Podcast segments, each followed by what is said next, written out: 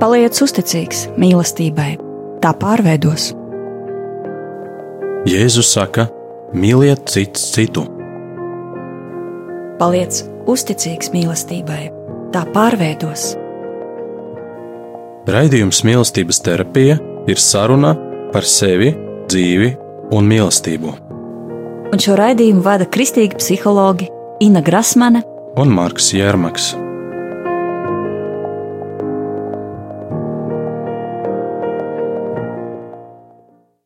Labvakar, mīļie radio klausītāji! Labvakar! Nu, tuvojamies noslēgumam tādam lielam ciklam, ko esam vadījuši pēdējos divus mēnešus par laulību, un gribam pieskarties jautājumam par uzvaru, par to, ka uzvara vienmēr ir iespējama, ja to vēlas abi, par mīlestību, kura ir stiprāka par visu. Un iesākt es gribētu ar dažiem gadījumiem, kas ilustrē to, ka uzvara ir iespējama. Par laimi, mūsu profesija ir tāda, kas ļauj dzirdēt daudzus sāpīgus, bet arī daudzus ļoti drosmīgus stāstus, un ejot kopā ar cilvēkiem, piedzīvot ļoti nozīmīgas un brīnišķīgas uzvaras, un tas, laikam, ir tas, kas dod ļoti daudz spēka, darot šo darbu. Un kad kāds vidēji vecuma cilvēks, vīrietis, kuram es uh, ieteicu tādu regulāru psiholoģisku palīdzību, lai viņš varētu atrisināt savas problēmas, Viņš teica, man kauns iet pie psihoterapeita, jo tā ir atzīšanās sev, ka man ar psihi kaut kas nav kārtībā. Tad eh, es atkal un atkal gribu apgāzt šo nepareizo mītu. Es uzskatu, ka pie mums, terapeitiem, nāk Latvijas veselākā vīriešu un sieviešu daļa. Pie terapeita ir cilvēks pirmām kārtām, kas grib kaut ko mainīt savā dzīvē un apzinās, ka viņš viens pats to nespēs, un šī gribēšana kaut ko mainīt pat par sevi ir veselības pazīme. Spēja meklēt palīdzību un apzināties uh, savu spēku robežas arī ir veselības pazīme. Cilvēks ir uzdevis jautājumus par dzīvi, un tas arī ir veselīgi. Cilvēks jautā, pat visslimākais cilvēks, kas meklē veselību un ir gatavs strādāt ar sevi veselības dēļ, ir veselāks par jebkuru veselo, kas vairs nemeklē neko. Apstāšanās šajā dzīvē nav iespējama. Ja tu apstājies savā attīstībā, ja tu neej uz priekšu, tad tu nemanot sāc slīdēt uz leju, stagnācijas virzienā. Tātad daudzi drosmīgi cilvēki, ar kuriem mums nākas satikties savā ikdienā, un daudzi drosmīgi stāsti. Piemēram, viens stāsts par kādu pāri, kur vīrs iekrita kādas sievietes valdzinājuma varā, ārpus laulības, piekrāpa savu sievu, un saprata, ka ir grēkojis, ka ir kļūdījies, uzreiz saprata, bet atpakaļ ceļš laulībā cena par šo grēku, par šo mazo īso kārdinājumu piepildījumu bija ļoti, ļoti augsta, un atpakaļceļš laulībā bija ļoti smags. Šī sieviete piekrita turpināt šīs attiecības, strādāt, un daudzus gadus viņi ļoti smagi strādāja ar attiecībām, lai atgrieztu to līdzsvaru, ko bija izpostījusi viena nakts. Viņa strādāja arī terapijā, ļoti daudz izdarīja, un šobrīd, skatoties uz šo pāri, kas staigā arī pa mūsu Latvijas ielām, liekas, ka viņi ir paraugs tam, kā vajadzētu pārim dzīvot mīlestībā. Mīlestība plūst no viņa kopības.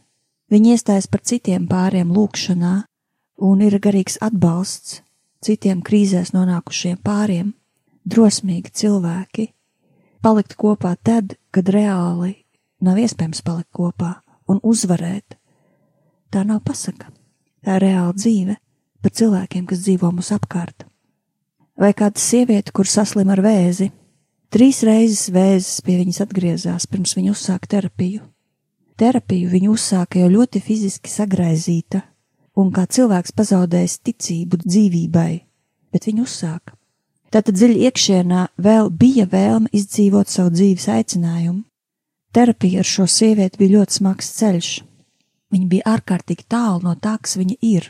Viņa dzīvoja pēc principa būšu tāda, kādai man jābūt. Verdzība, vecāku un sabiedrības uzliktiem stereotipiem un sava radošā spēcīgā potenciāla nodošana. Bet šī sieviete drosmīgi meklēja sevi, atklāja jaunus un jaunus savus resursus, kurus mācījās izlietot savā dzīvē. Viņa trīs reizes bija bijusi uz nāves robežas, un viņa prata novērtēt katras dzīvības mirkļa vērtību.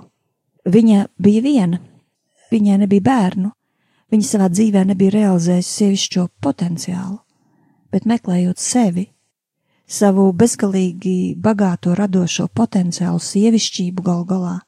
Meklējot saikni ar sevi, viņa atzima kā sieviete emocionāli, garīgi, un notika brīnums, viņa satika ar savu, arī savu vīrieti, kaut arī viņas ķermenis bija sagraizīts. Šis sievietes atbrīvošanās ceļš, lūkšanas par ģimenes sistēmu, kas viņu bija ieslogojuši šajā verdzībā, ietekmē visus ģimenes locekļus, un ģimene lēnām sāk atgriezties pie dieva un ieraudzīt arī sevi. Viens cilvēks var ļoti daudz ko mainīt. Līdz pēdējam elpas vilcienam vēl to var izdarīt. Ar lūkšanu spēku, ar savu attieksmi, un tā arī ir dzīves jēga. Šī sieviete izdzīvoja, pateicoties alkām dzīvot un piepildīt līdz galam savas dzīves jēgu, pieņemot lēmumu izmantot to, cik viņai atlicis, ir pilnvērtīgi. Šī sieviete ir dzīva un gatavojas laulāties, un tas ir ļoti drosmīgs stāsts. Tā nav pasaka, tā ir dzīve. Cilvēki, kas gatavi samaksāt nopietnu, eksistenciāli nozīmīgu cenu par pārmaiņām, kopā ar mūsu kungu, iziet cauri nāvis vārtiem un piedzīvo augstāko esības formu - svaidījumā, iedvesmā, patiesā dzīves priekā un pārliecībā, bet īstās pašatklāsmes ciešanas ir par samaksu šādām pārmaiņām. Tās nav neirotiskas ciešanas, paslēpjoties sevis žēlošanā, slimībā, upura pozīcijā, nepārvaram likteņa priekšā.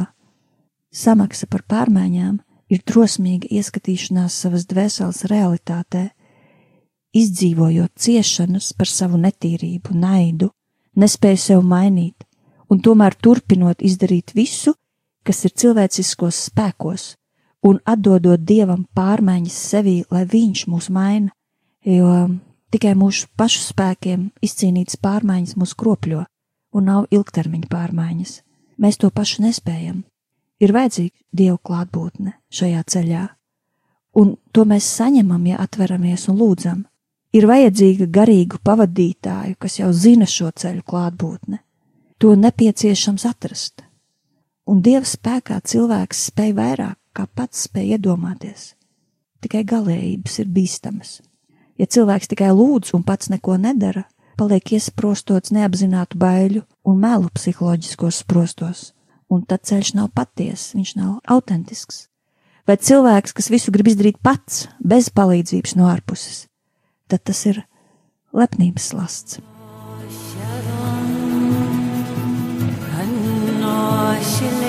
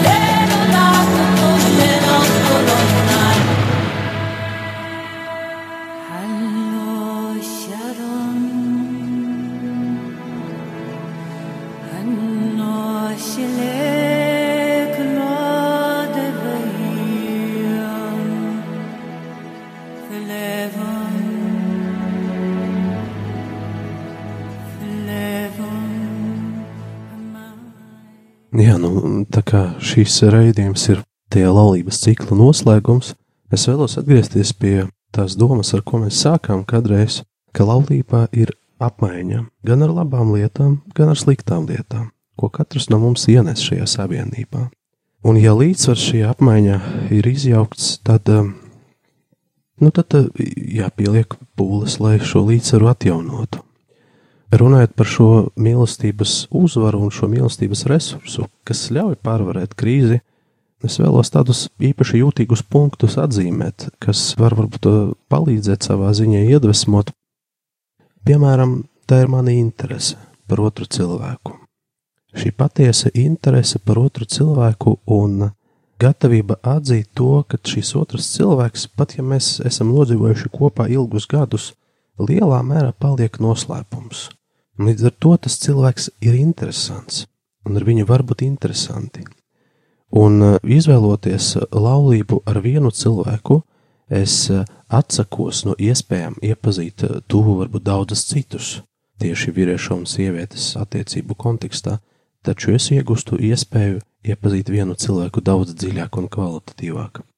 Un par šo interesi var liecināt tādas gluži sadzīviskas lietas, kad es atlieku malā telefonu vai datoru izslēdzu vai televizoru un uh, paprasu, kā tad tev ir gājis? Kā tev patika filma vai izrāde? Kas tevi uztrauc? Kā ar šo vai kādu citu problēmu bija tavā ģimenē? Ko tu domā par šo notikumu? Un tā tālāk, vai ne? Tad, kad es veltu daļu sava laika tam, lai paustu interesi par otru cilvēku. Skaidrs, ka neviens no mums nav ar bezgalīgu iespēju šajā ziņā. Daudzi vīrieši, piemēram, sūdzas par to, ka sievas runā daudz, un tas ir nogurdinoši to visu klausīties. Jā, tas gadās, gadās arī otrādi, kad vīrieši runā daudz, bet ir kaut kāds laiks, ko nepieciešams veltīt tādai sarunai, sarunai par to, kas ir svarīgs un interesants tam otram cilvēkam. Un uh, ir ļoti svarīgi, lai šis laiks ir ekskluzīvs, jo tā slimība, kas tagad ir ar telefoniem un ar sēdēšanu paralēli internetā, nu, tas tiešām izkropļo kaut kur šo patieso satikšanos. Tas ir izaicinājums, ja, kad es veltu laiku tikai šai sarunai. Tas ir ierobežots laiks, bet šis laiks ir tikai šai sarunai, tikai šim cilvēkam.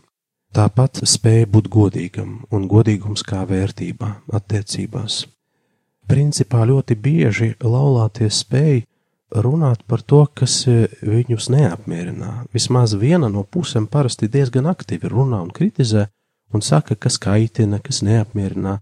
Un uh, es domāju, ka tā ir svarīgā daļa, jo vienmēr būs kaut kas, kas kaitina, un šīs lietas paturēt pie sevis. Nu, protams, jā, nevienmēr par to jārunā, bet uh, no otras puses citreiz arī jāizsakās, jo savādāk tā spriedze tikai būs lielāka. Bet cik bieži mēs nerunājam par to, kas mums patīk. Ja, jo eh, tām godīgumam ir arī otrā daļa, jo gadās, ka mēs laulāto attiecībās un vispār tuvās attiecības, kā slēpjam viens no otra to, kas mums patīk. Un tad laiku pa laikam var rasties iespējas, ka tām otram cilvēkam nekas nepatīk. Viņš tikai runā par kritiku, bet to, kas labs, uztver kā pašsaprotamu. Tā ir ļoti bīstama tendence - uztvert kaut ko laulībā kā pašsaprotamu. Jo, kā jau teicu, tā ir apmaiņa ar dažādām lietām, ar visu to, kas mēs esam, un nekas šeit mums nepienākās automātiski. Tā, tā ir dāvana no otra cilvēka. Spēja godīgi runāt ne tikai par to, kas nepatīk, bet arī par to, kas patīk, nekautrējoties, jo otram cilvēkam ir ļoti svarīgi to dzirdēt. Tā ir prasme piedot. Piedošana ir iemaņa, to var uztrenēt. Nav nekas nereāls tajā, lai mācīties piedot un mācīties arī ātrāk atlaist šo aizvainojumu vai nu, kaut ko tādu, kas man ir aizskaris, un cik svarīgi ir piedot bez manipulācijām. Es esmu saskaries ar gadījumiem, kad pirms daudziem gadiem kāds, piemēram, ir piekrāpis, vai kāds ir izdarījis kaut ko briesmīgu laulībā, bet tas bija pirms desmit gadiem pirms 15, pirms 20 gadiem, un par to aizvien tiek atgādināts. Jā, jā, viss ir piedots, bet uh, tikko rodas kaut kāds strīds, kaut kāda spriedze, tas tiek atgādināts. Un, ja tas otrs cilvēks, nu, viņš tiešām ir nožēlojis, viņš tiešām ir ieguldījies tajā, lai labotos, lai izmainītu to savu uzvedību, un viņ, viņam tas ir izdevies, tad jautājums, ko šie atgādinājumi, kādu funkciju tie pilda? Tā ir manipulācija, tur piedošana nav notikusi tā līdz galam.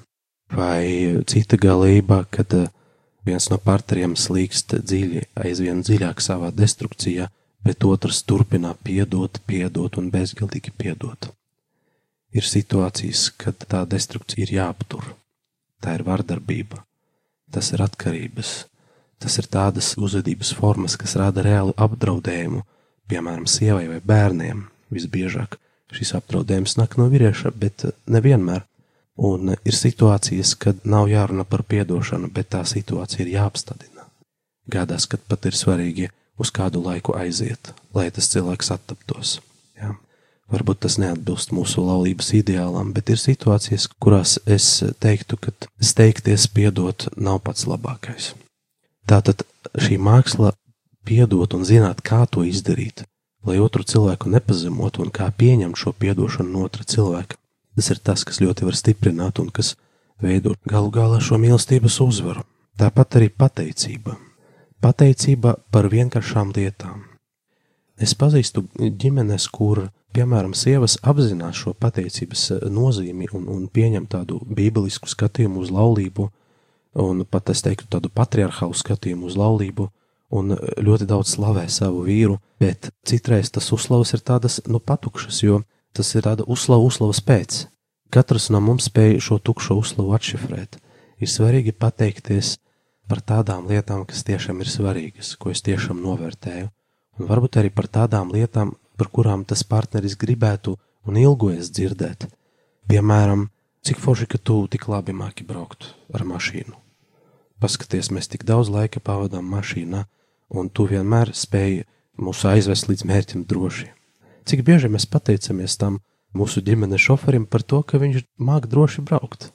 Ja? Vai mēs neuztveram šo lietu kā pašsaprotamu? Es tik ļoti novērtēju, ka māja ir tīra. Es zinu, ka tas tev nepadodas viegli, ir grūti veltīt tam laiku, jo ir bērni, jo ir, ir citas lietas, un tu vēl kaut kā paspēji to māju izdarīt un sakārtot. Tas ir tik patīkami, es to tik ļoti novērtēju. Es apzinos, ka es strādāju daudz, un neveltu bērnu audzināšanai pietiekoši daudz laika, varbūt tik daudz, kā gribētu, bet kad es skatos uz to, kā tu māki apieties ar bērniem, tas man iedvesmo. Tev tiešām ļoti labi sanāk. Es gribu no tevis mācīties. Tas ir vienkāršas lietas, Un tas varbūt nav tas, kas jāsaka katru dienu, bet uh, ir situācijas, kad ir ļoti svarīgi otram cilvēkam to dzirdēt. Tie ir mūsu kopīgi ideāli, un kā šie ideāli tiek kopti, piemēram, ja tā ir ticība, tad kādā veidā mēs to praktizējam, lai tas mūs abus stiprina. Jo redziet, ir piemēram situācijas, kad ir laba iniciatīva, ja ir divi kristieši dzīvo laulībā, un uh, viņi, piemēram, praktizē kopīgu lūgšanu nu, tādu skaļi izsakot savus nodomus tur vai, vai slavējot, bet uh, vīram un sievai tāpat tie garīgumi ir atšķirīgi. Tas nav tikai par dzīmumu, bet tajā skaitā par dzīmumu.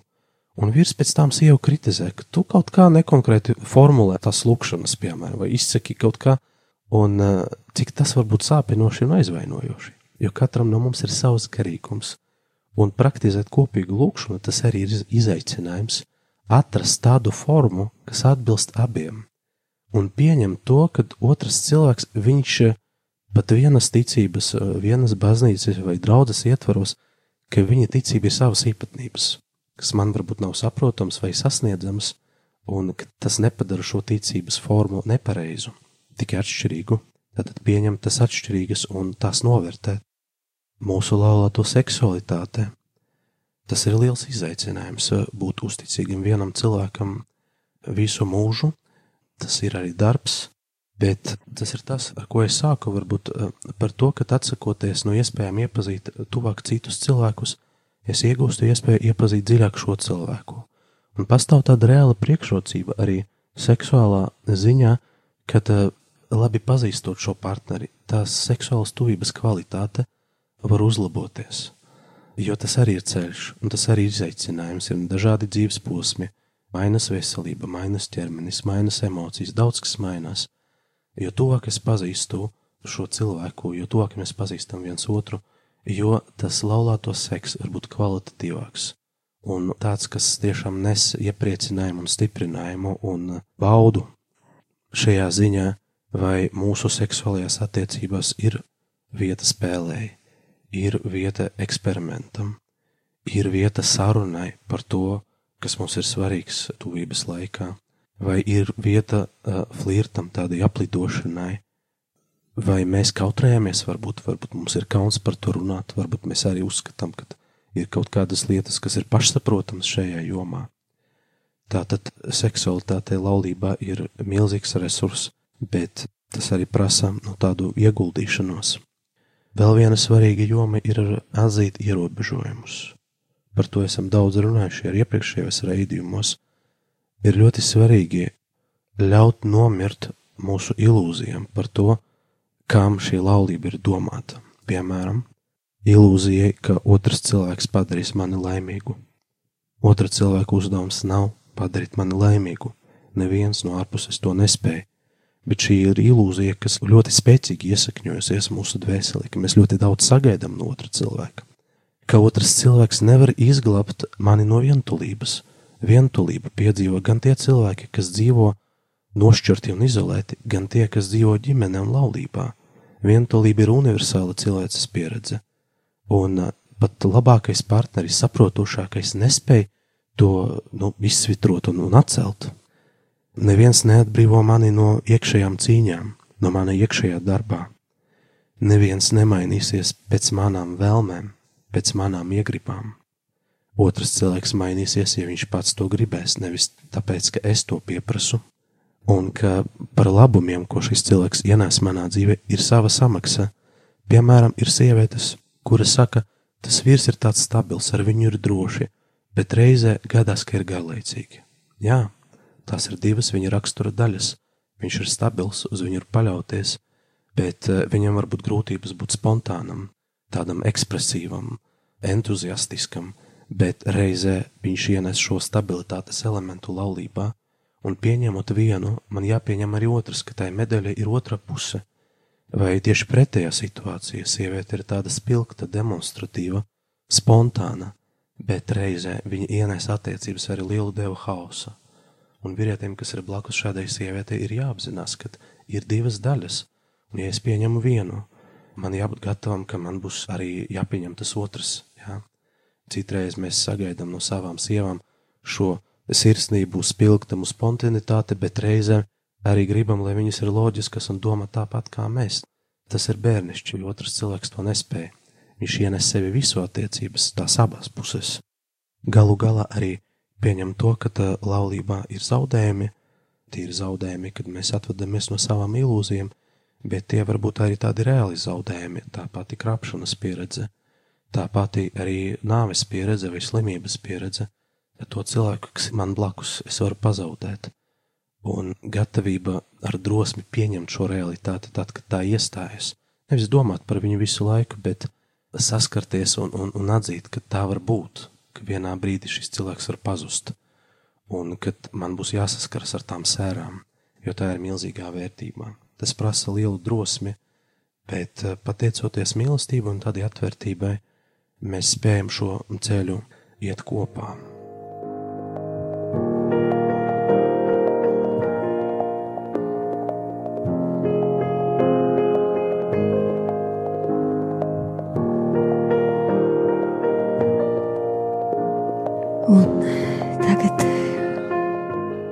Atvērsim savus sirdis Dieva garam, lai nostātos Dieva priekšā un lūgtu par mūsu laulībām, par uzvaru tajās.